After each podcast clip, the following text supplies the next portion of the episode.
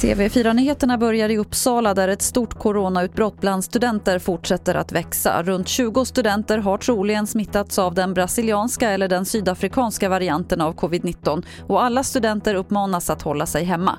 Mats Martinell är infektionsansvarig i regionen. Det här är ju framför allt allvarligt ur befolkningsperspektivet. För individen så behöver det inte alls innebära någon ökad risk för att man drabbas av svår sjukdom eller eh, av långvariga komplikationer. Utan det är ju det att ju mer smittsam virus, viruset är desto fler hinner bli smittade innan de blir vaccinerade och eh, där kan det absolut vara allvarligt. Svenska nöjesparker är missnöjda med de gränser som Folkhälsomyndigheten satt upp.